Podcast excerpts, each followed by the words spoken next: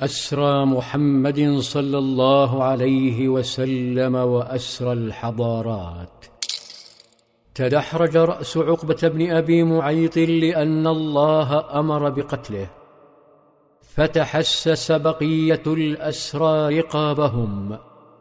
فمحمد في نظرهم في ساعة انتقام.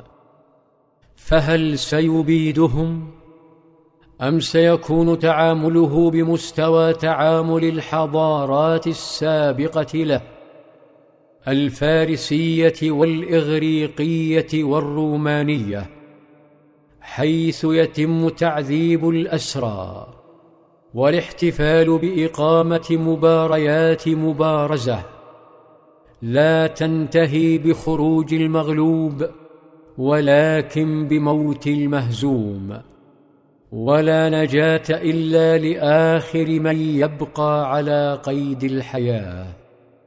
أم بإطلاق الوحوش عليهم والتسلي برؤية أنيابها تمزق لحومهم أحياء.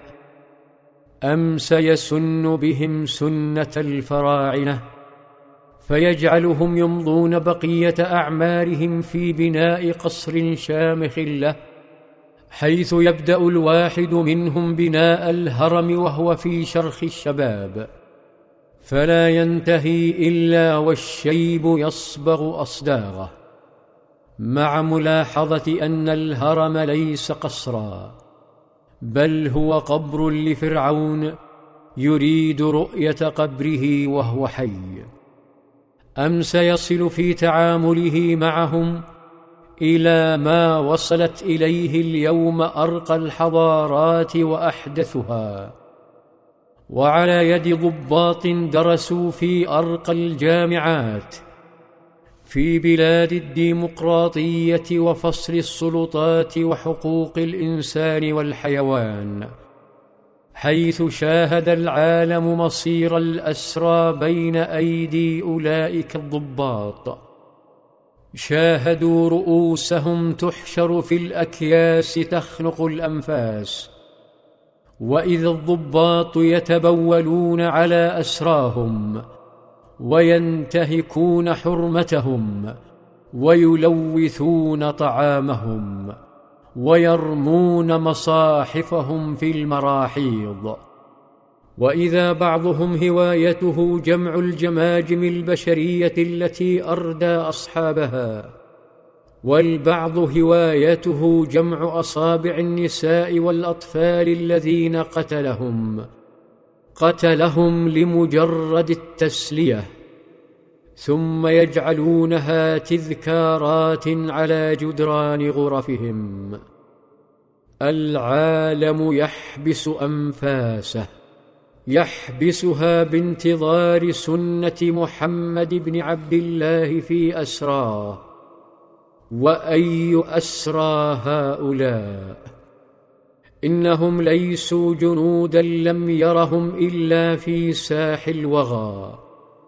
وليسوا مرتزقة قذفت بهم الحاجة. هؤلاء في معظمهم طواغيت. كرسوا ثلاثة عشر عاما تعذيبا وتشريدا لأصحابه. انتهت معركة بدر. فإذا الانتقام صريع بين الجثث ونزل الوحي. فإذا أرض بدر تهتز ربيعا حول الأسرى نزل الوحي يقول ويطعمون الطعام على حبه مسكينا ويتيما وأسيرا.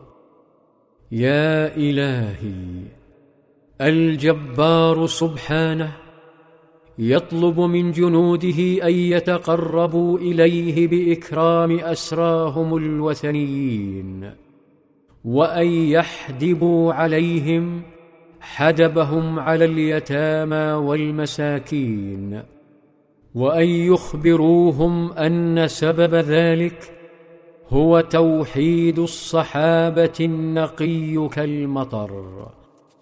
إنما نطعمكم لوجه الله لا نريد منكم جزاء ولا شكورا.